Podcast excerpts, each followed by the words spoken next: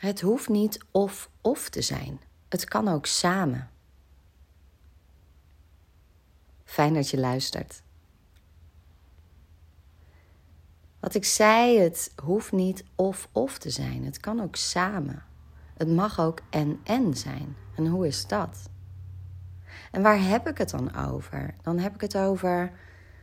We willen soms zo graag ons hoofd uitzetten dat we gaan vechten tegen ons hoofd. Terwijl als je kijkt naar je brein en dan is dat gewoon een grote kwaliteit. Dan helpt hij je op zoveel vlakken. En dan is hij er altijd voor je. Hoe fijn is dat? Maar het is ook zo dat als je in een visueuze cirkel terechtkomt en in eindeloze gedachten, en die gedachten zijn niet stimulerend,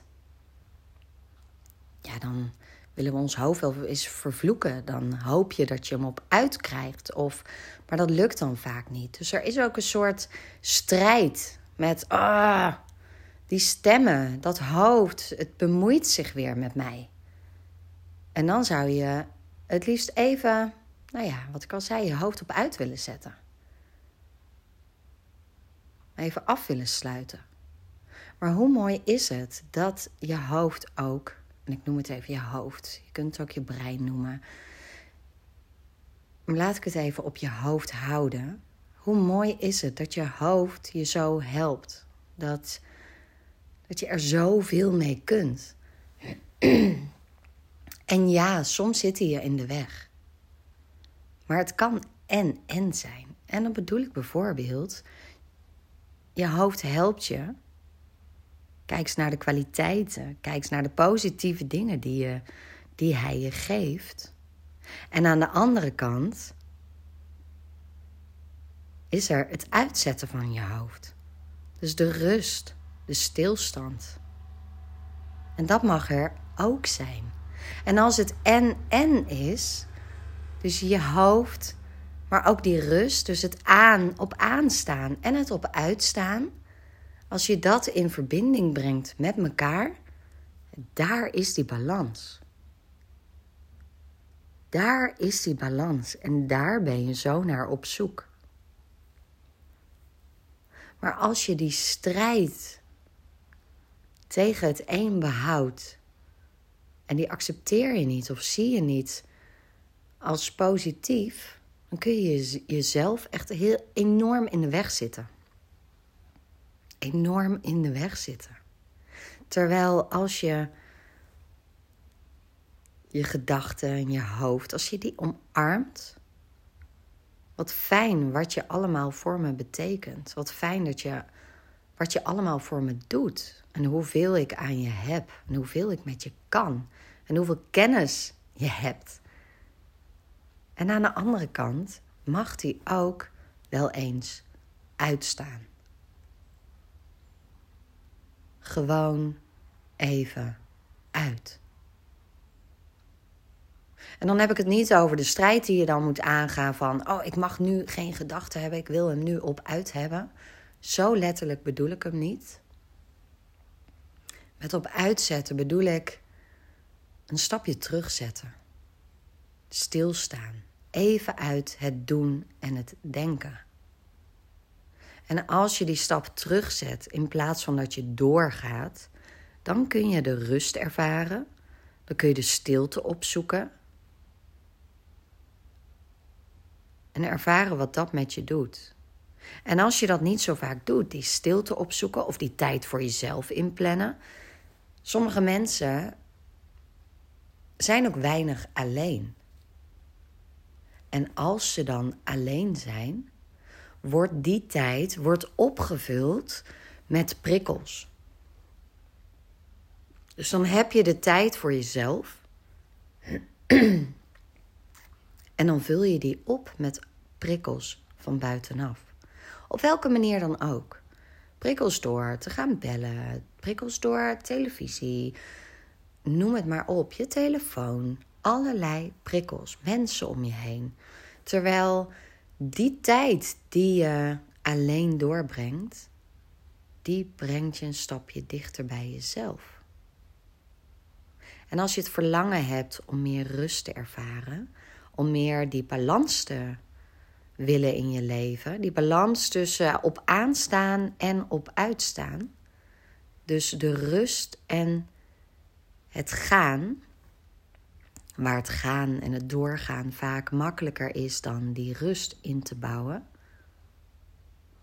dan kom je bij die balans. Dan, als die twee in balans zijn, dan kom je tot die rust in jezelf. En zodra je die gevonden hebt, door het steeds vaker te doen, al is het maar een kort moment, maar door die rustmomenten te nemen, door die tijd met jezelf door te brengen, daardoor kom je een stapje dichter bij jezelf. En die rust die je gaat ervaren, omdat je het steeds oefent, omdat je het steeds vaker toepast en omdat je gewoon beseft: oh, dit doet me goed. Hier heb ik behoefte aan.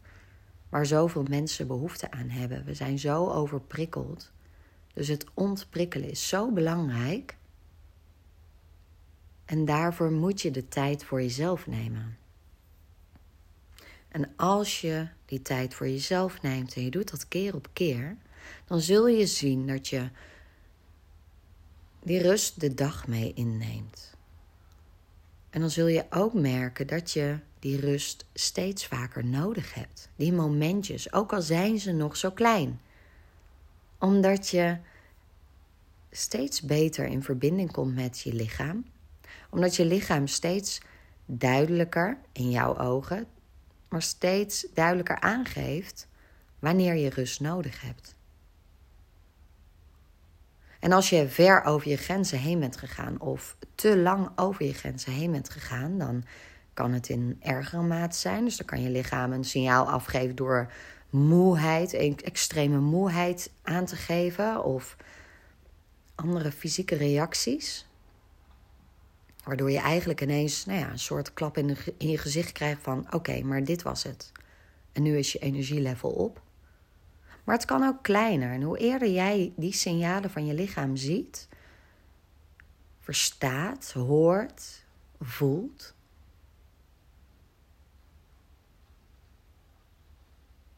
Hoe sneller je ernaar kan handelen. Hoe eerder jij dan ook met die momenten van rust, met die momenten van tijd voor jezelf kunt toepassen, kunt nemen, kunt inplannen. En dat is zo belangrijk. En hoe fijn al die dierbare, lieve mensen om je heen ook zijn, dat zegt niks over hun als jij een rustmoment voor jezelf neemt. Dat zegt niks over dat je niet graag bij je dierbare wilt zijn. Nee, maar die rust, die stilte, die tijd met jezelf, dat pure zijn, dat heb je nodig. Dat heeft je brein ook nodig. Om als je de hele dag op aan hebt gestaan. Om al die prikkels die je binnen hebt gekregen, om die te verwerken. En als je die alleen maar verwerkt als je s'nachts ligt te slapen, dan zul je ook merken op een gegeven moment. Dat je minder goed slaapt, dat je minder doorslaapt of moeilijker in kunt slapen. En hoe vaker jij die momenten van rust voor jezelf neemt gedurende de dag, dan zul je op een gegeven moment ook gaan merken van hé, hey, ik slaap beter of ik slaap sneller of dieper of wat dan ook. Maar je zult die rust meer in je hele lijf gaan ervaren. Dus sta er ook eens bij stil van hoe vaak heb ik zo'n rustmoment? Of hoe vaak breng ik tijd met mezelf door? Breng ik tijd alleen door? Hoe vaak ben ik eigenlijk alleen?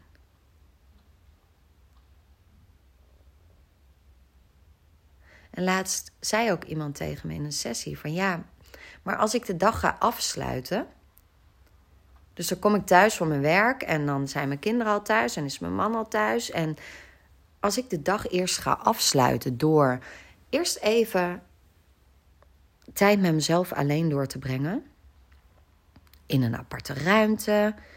Even 10 minuten om de dag van je af te laten glijden. Om even te ontprikkelen. Maar ik ben al de hele dag van huis. Ja, dat klopt. Maar als jij die 10 minuten voor jezelf neemt om te ontprikkelen, Om je brein even wat dingen te laten verwerken. Om even in je lichaam te zakken. Dan heeft jouw gezin of andere dierbaren om je heen, die hebben veel meer aan jou omdat je anders, als je de dag nog niet hebt afgesloten, neem je dat mee de avond in. Zul je dat ook merken dat de gesprekken die je hebt gevoerd, de aandacht die je in situaties hebt gehad, dan neem je dat mee de avond in. Dus als jij zit te eten thuis met anderen, met je gezin, dan zul je merken dat je afdwaalt, dat je sneller in je hoofd schiet, dat je nog dat je eigenlijk half in je hoofd zit, half aan het luisteren bent. Dus ben je dan echt aan het luisteren? Of krijg je maar de helft mee? En waarom is dat zo belangrijk? Nou ja, vroeger vond ik het altijd knap als ik echt tig dingen tegelijk kon doen. Op werk, thuis. Oh joh, ik kon alles kon van alles tegelijk doen. Maar wat maakte ik dan echt af? Of waar had ik dan de volledige aandacht in? Ja, eigenlijk niks. En dan multitasken was echt, ja, super. Dat is een kwaliteit als je dat kunt. Super, dan krijg je veel meer gedaan. En dat hoort een beetje bij de maatschappij. En tegenwoordig worden we steeds bewuster van het feit dat het helemaal niet goed voor je is dat het helemaal niet goed is voor de kwaliteit ook van het werk of van hetgeen wat je aan het doen bent. En dat geldt ook voor met de volle aandacht in een gesprek zitten. Hoe vaak doe je dat? En hoe mooi is dat? Met je volle aandacht in een gesprek met, een, met de ander zorgt er ook voor dat je in verbinding komt. Dat je andere gesprekken voert, dat je dieper komt, dat je dat er iets met jou gebeurt. En om in verbinding te zijn met de ander, is het nodig dat je in verbinding bent met jezelf. En die verbinding met jezelf, die bereik je, die krijg je door regelmatig tijd met jezelf door te brengen. Door regelmatig in te checken bij jezelf. Hoe gaat het met me? Op je ademhaling te letten. Echt de focus even op jezelf te hebben. Stilte op te zoeken. Een wandeling te maken in je eentje in de natuur. Om je heen te kijken, je zintuigen in te zetten. Oftewel, die rust in jezelf toe te laten. Of te reflecteren of niks te doen. Maar echt even een momentje van rust. Even een momentje van niks doen. Van stilstaan van zijn met jezelf.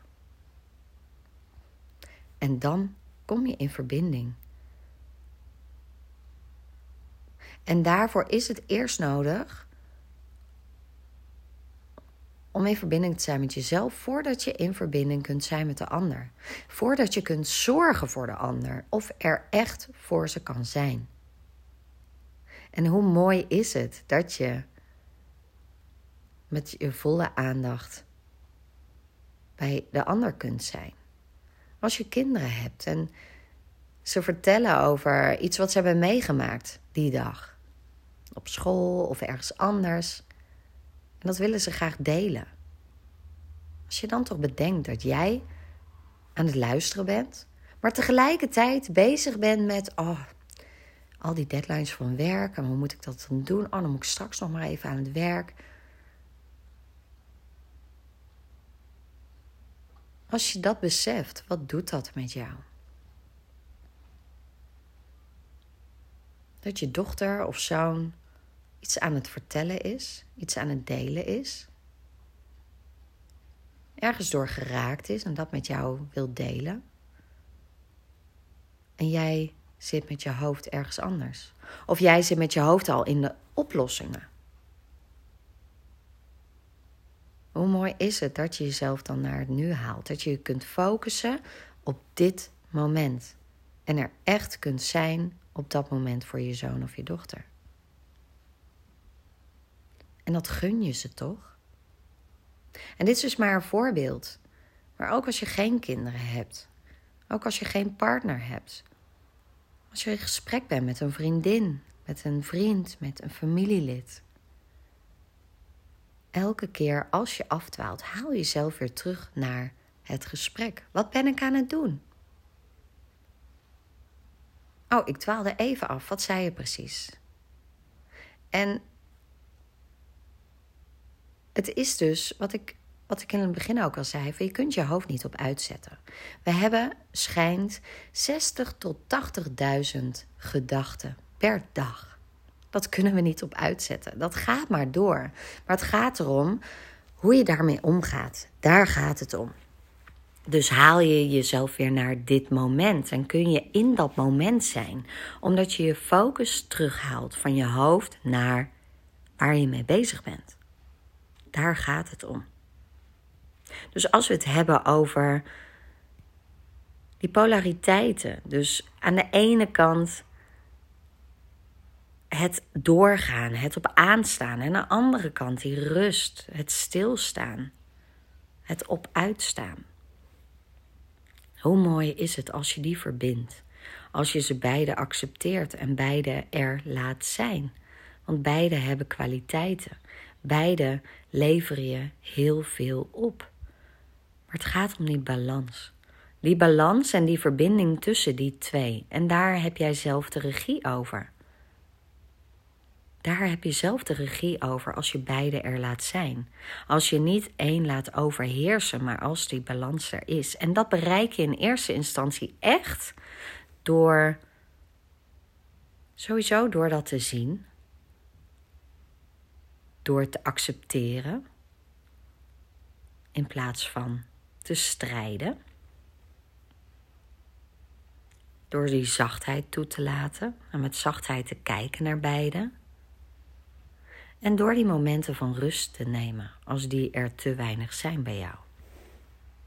Dus door niet continu op aanstaan, maar echt gedurende de dag een momentje te nemen voor jezelf.